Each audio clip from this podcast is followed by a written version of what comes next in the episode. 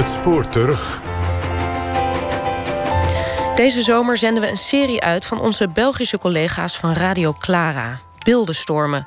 Die Byzantijnse tijd tot aan IS. Met vandaag het zevende deel. In 1986 werd het pronkstuk Who's Afraid of Red, Yellow and Blue in het Stedelijk Museum met een mes aan flarden gereten door een abstracte kunsthater. Behoort dit in het rijtje historische beeldenstormen? Luister naar de volgende aflevering, gemaakt door Sarah de Broei.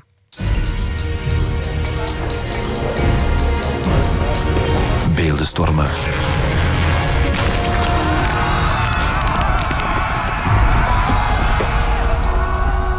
Welkom.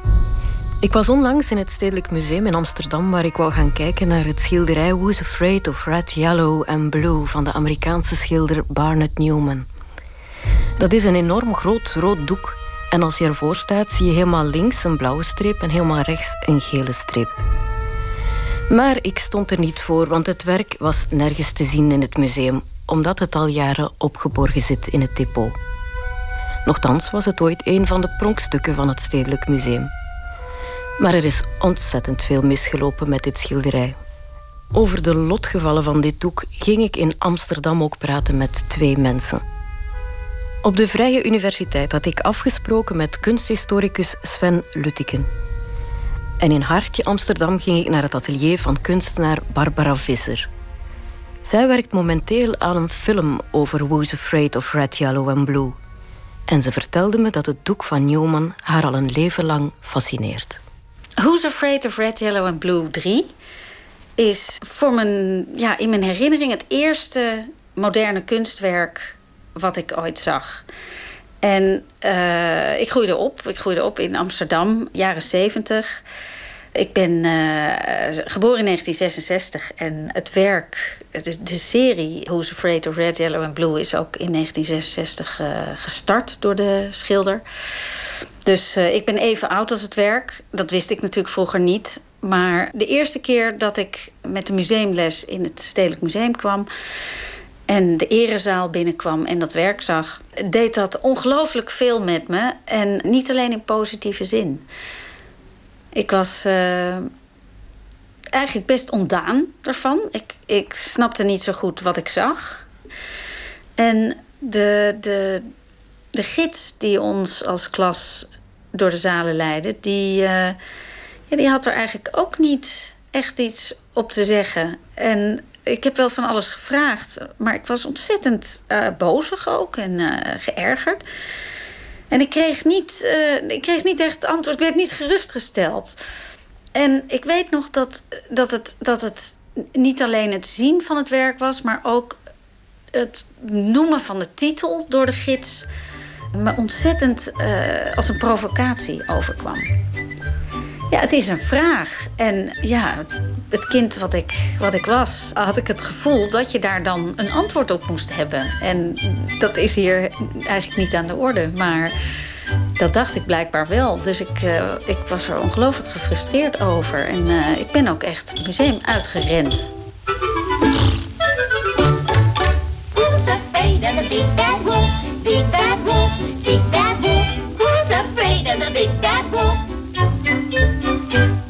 Who's Afraid of Red, Yellow and Blue is een titel die misschien nog wel bekender is dan het schilderij zelf of dan de serie schilderijen zelf. Er wordt ongelooflijk vaak uh, aan gerefereerd in allerlei populaire cultuur. En uh, dat komt denk ik omdat het uh, van Newman ook weer een referentie was. enerzijds aan Who's Afraid of the Big Bad Wolf van Disney uit de jaren 30 van de vorige eeuw.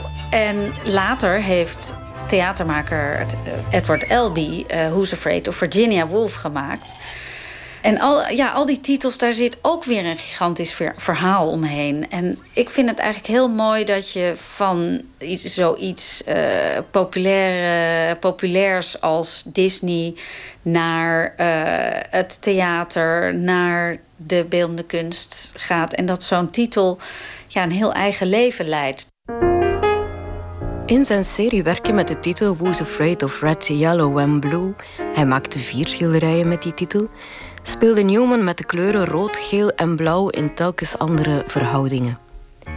Barnett Newman wordt beschouwd als een van de belangrijkste schilders van het abstract expressionisme, wat na de Tweede Wereldoorlog ook de dominante stroming was in de Amerikaanse kunst. Kunstenaars als Jackson Pollock, Mark Rothko en Barnett Newman wilden zich met deze nieuwe stroming ook onderscheiden van de Europese kunst. Hoe erg verschilt dat werk van Newman nu van de Europese abstracte kunst? Nou, een van de dingen die mij ontzettend interesseert aan het werk is dat het uh, op het eerste gezicht lijkt het een heel stevig idee. Ik ga een heel groot rood doek maken met een heel klein blauw en een heel klein geel streepje aan de zijkanten. Maar als je leest wat Newman er zelf over zegt en hoe die, hoe die eigenlijk wil dat de kijker erin opgaat en zegt: uh, Ik wil dat, uh, dat, dat men niet op meer dan 60 centimeter afstand staat, want je moet er eigenlijk helemaal door verzwolgen worden. Eigenlijk heel emotioneel.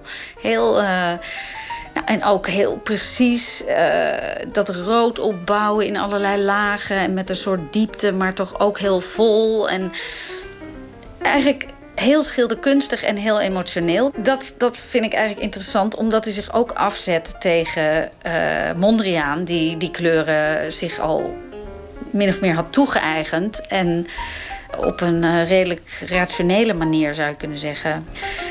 En ja, ik, ik, ik, weet niet wat daar verder achter zit. Je zou het als een vorm van vadermoord kunnen beschouwen. Dat uh, is natuurlijk ook iets wat uh, elke kunstenaar op een dag moet doen.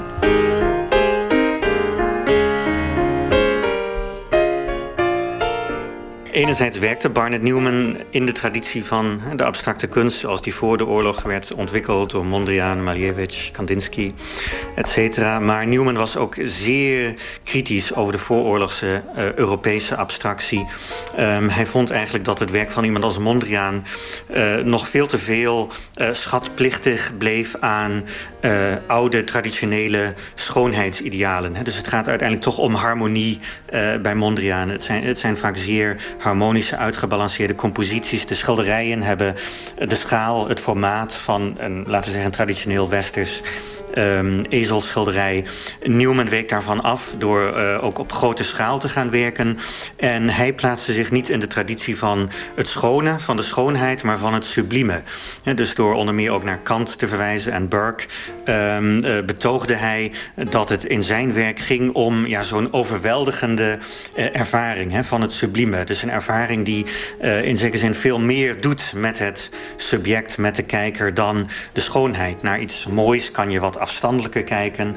Het, het brengt je niet uh, uh, van de kook, het, het, haalt je niet van je voetstuk, maar het sublieme, dat is een overweldigende ervaring, omdat het te groot is, te dominant. Je kunt het niet plaatsen, je kunt het niet inkaderen, zeg maar. Het heeft geen duidelijk kader.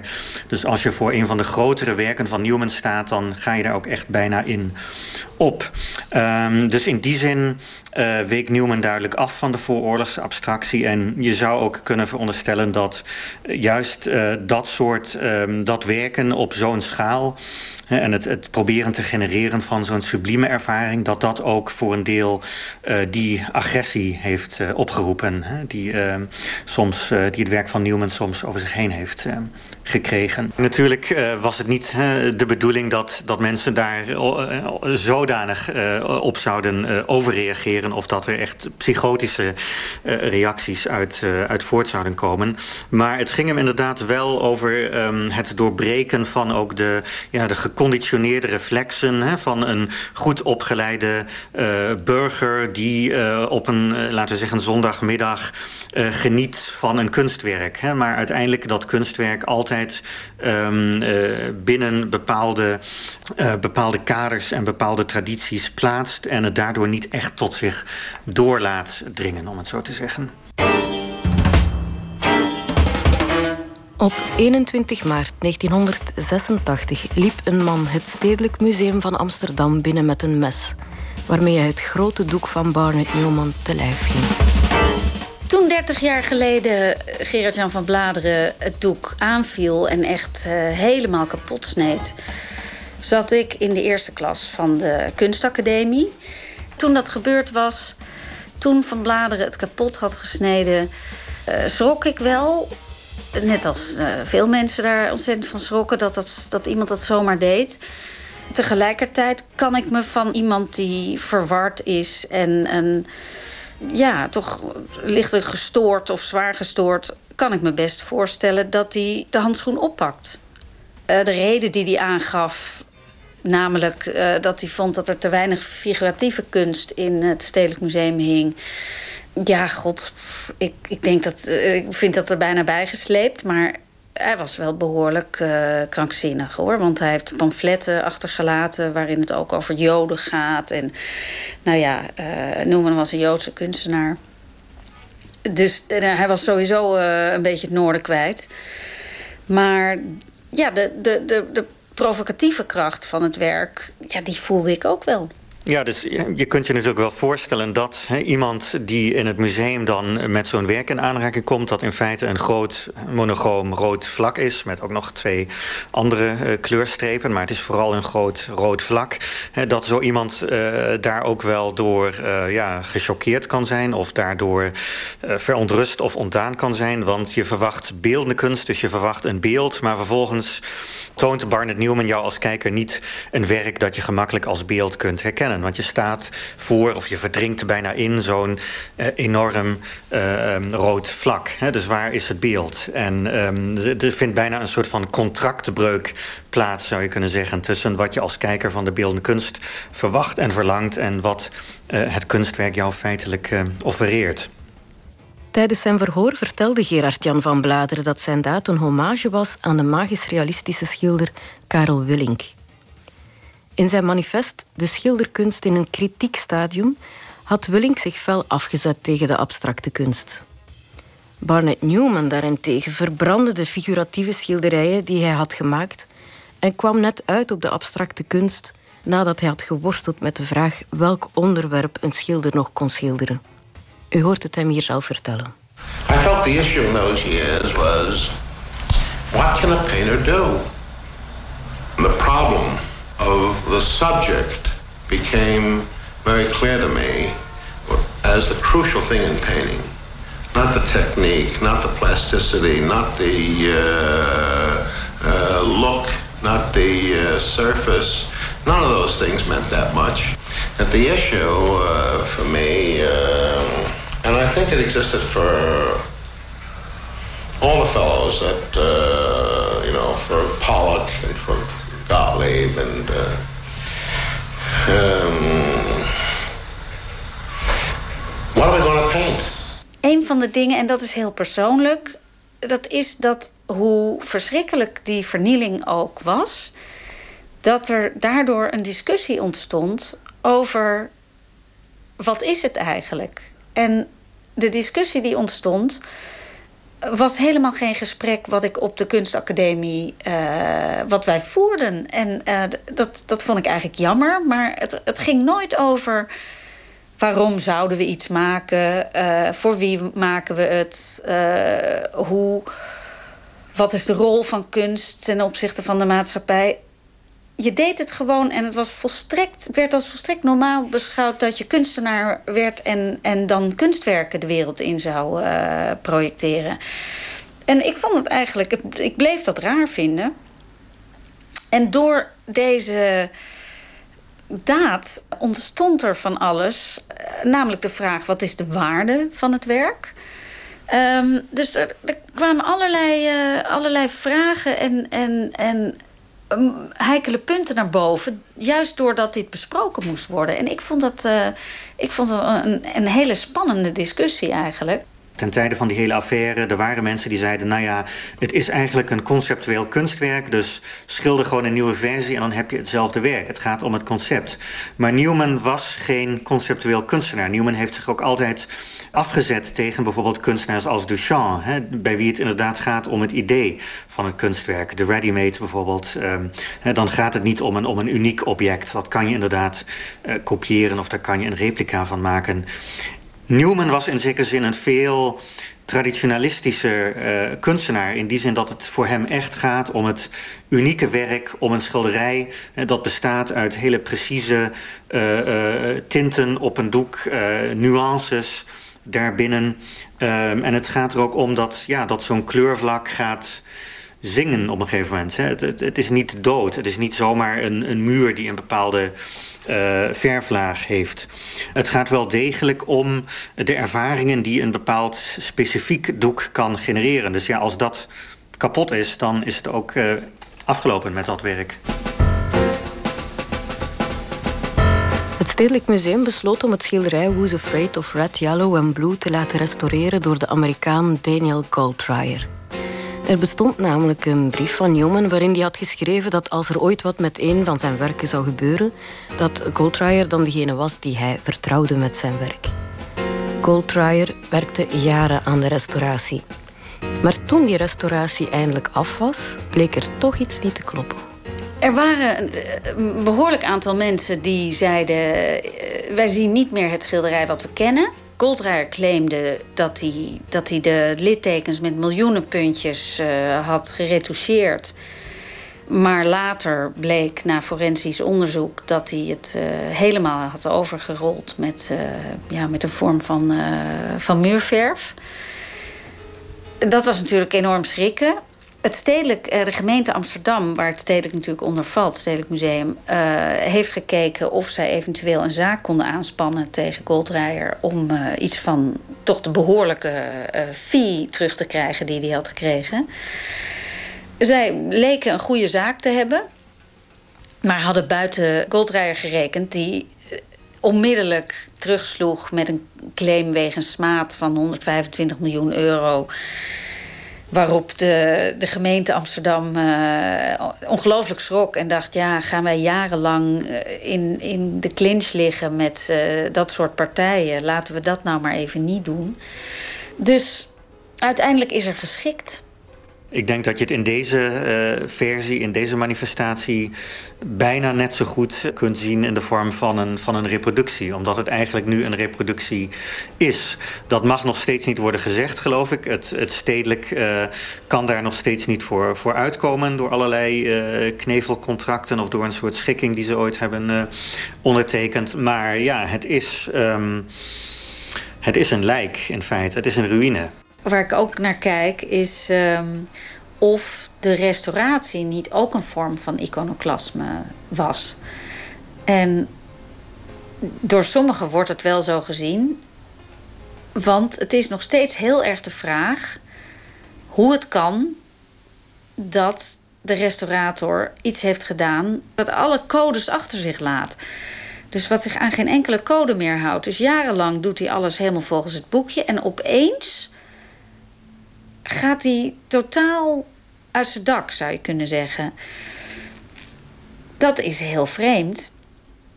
En ik had het er met uh, Thijs Goldsmit over, die, uh, die ook veel kijkt naar dit soort dingen vanuit een wetenschappelijk uh, perspectief en, en biologisch. En die zegt ook: ja, is er niet iets geweest van dat alsmaar in het rood kijken, waardoor die als laatste nog een, nog een enorme rare stap heeft genomen. Een soort van sprong heeft gemaakt. Er is natuurlijk veel speculatie bij, dat, dat zeg ik meteen. Maar het is ook, uh, ook wel interessant om te kijken of dit. of dat rood eigenlijk, zoals Van Bladeren aangeeft, iets kan doen met de mens waar die, uh, waar die zelf de controle verliest. Wie trouwens ook niet gelukkig was met de restauratie, maar dan om heel andere reden dan de meeste andere mensen, was Gerard Jan van Bladeren. Van Bladeren is tien jaar later uh, opnieuw naar het stedelijk gegaan om opnieuw het werk te uh, vergrenzen. Dat is een woord wat hij zelf heeft bedacht. Dat hij kunstvergrenzer was. Uh, en uh, hij vond dat een vorm van verbetering die hij toepaste. Hij ging naar het stedelijk met de intentie om opnieuw uh, Who's Afraid of Red, Yellow and Blue toe te takelen. Vond daar uh, niet het werk, want het hing niet. Maar heeft toen een ander werk, Cathedra van Newman, kapot gesneden. Ook behoorlijk ernstig. Dat is door het stedelijk zelf hersteld. En op een heel goede manier eigenlijk.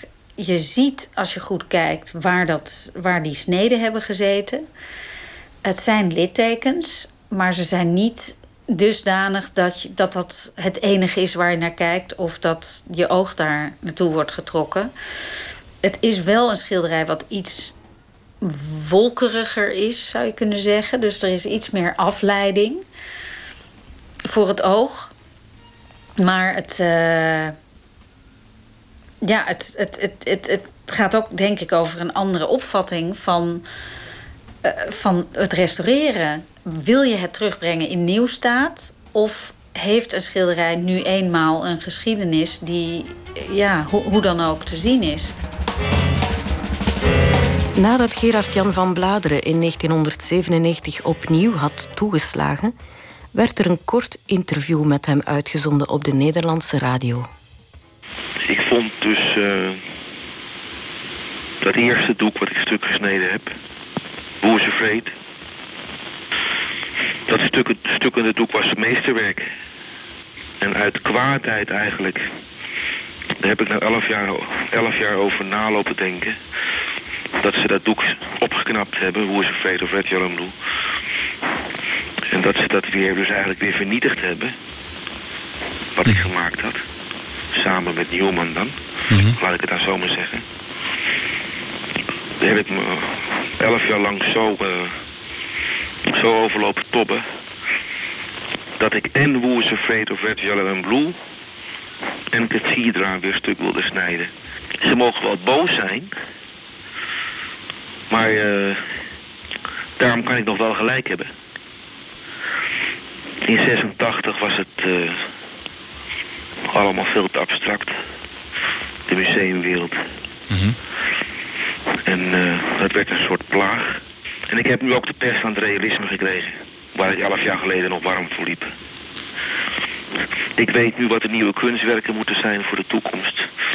En dat is, dat is kapot abstractie en kapot realisme. Nou ja, goed. Ik, ik wil ook niet te veel waarde hechten aan de woorden van die man. Ik vind ook eigenlijk dat je hem niet moet uh, nobiliteren door, door zijn woorden serieus te nemen. Maar uh, goed, om er toch iets over te zeggen. Uh, hij, hij ontwikkelt dan eigenlijk ook een bizarre karikatuur van sommige vormen van moderne kunst. Um, die juist inderdaad um, heel sterk een, een, laten we zeggen, letterlijk iconoclastische inslag hebben. Terwijl de abstracte kunst aniconisch is, om het zo maar te zeggen, geen beelden produceert.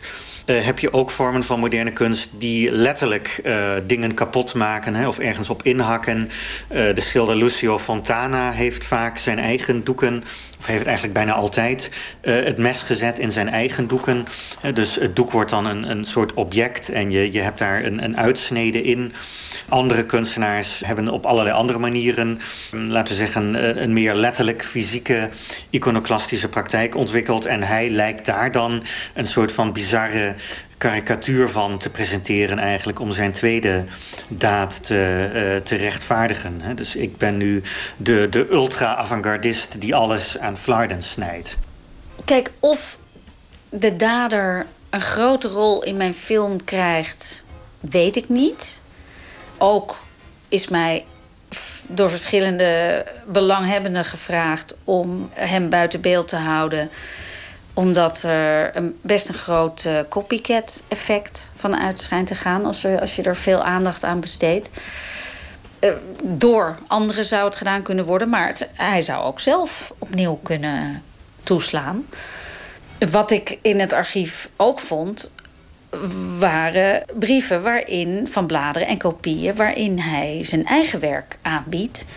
Namelijk monochrome doekjes met een snee erin. Misschien was zijn agressie tegen het grote rode doek van Barnett Newman wel voortgekomen uit de frustratie dat hij geen opening vond tot dat werk, omdat het geen verhaal vertelt. Maar een verhaal vertellen, een illusie scheppen met verf op doek, was dan ook niet de bedoeling van Barnett Newman. You look at it and you see it. And uh, if you don't, uh, there's nothing to walk into. It's not a window leading you into a situation where you walk through uh, some uh, uh, either interior or exterior world from which you then come to a conclusion. The beginning and the end are there at once. Het schilderij was een, een uh, plat vlak met daarop kleuren en vormen in plaats van een venster op een andere wereld. Uh, en dat uh, is die ontwikkeling heeft dus vaak ook wel ja, religieuze of, of esoterische drijfveren, ehm, maar um, komt niet, laten we zeggen, direct voort uit de, de monotheïstische joods-christelijke of islamitische kritiek op het beeld. Het is wel zo dat Barnett Newman zelf um, zich onder meer ook wel beriep op de op de Kabbalah, dus hè, op, op een bepaalde stroming in de Joodse mystiek. Maar hij zei nooit natuurlijk zo uh, eenduidig: Nou, ik maak abstracte kunst omdat ik uh, Jood ben en me daarom aan hè, het, het beeldverbod in de, in de Mosaïsche tien geboden houdt. Hij was natuurlijk iemand die ook echt onderdeel was van, ja, van een bepaalde stroming in de moderne kunst, van een bepaalde manier van denken over de moderne kunst. Dus het is een, een complexe relatie tussen religieus iconoclasme of religieus aniconisme hè, um, in de Joodse traditie bijvoorbeeld, en uh, de moderne kunst en de, de laten zeggen, uh, complexe. Um, uh, gebroken relatie van de moderne kunst met het beeld. Een van de dingen die, die ik heel aangrijpend vond, was dat, dat Newman die, die schreef heel veel over zijn werk. Die, zei, die vertelde ook veel over zijn motieven. En uh, een van de dingen die hij uh, zei over waarom hij dan zo abstract schilderde, was dat na de Holocaust had hij eigenlijk het idee dat figuratief schilderen een frivoliteit was. Dat, dat ja, eigenlijk het is een vorm van sprakeloos zijn. En dat uh, is natuurlijk, er is gebleken dat, dat, dat je uiteindelijk wel weer leert spreken en moet spreken. Maar ik, ik vond het wel heel mooi dat, hij, uh, nou, dat het een bepaald eindpunt markeert.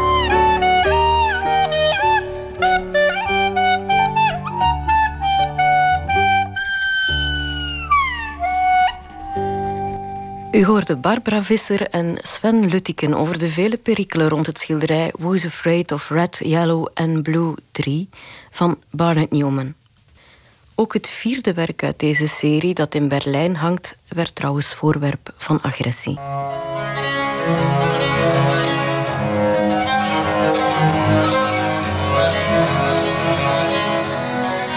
Dat was het zevende deel van de serie Beeldenstormen... gemaakt door Sarah de Broei van Radio Clara. De serie is ook als podcast te beluisteren... en die podcast kunt u vinden op clara.be beeldenstorm.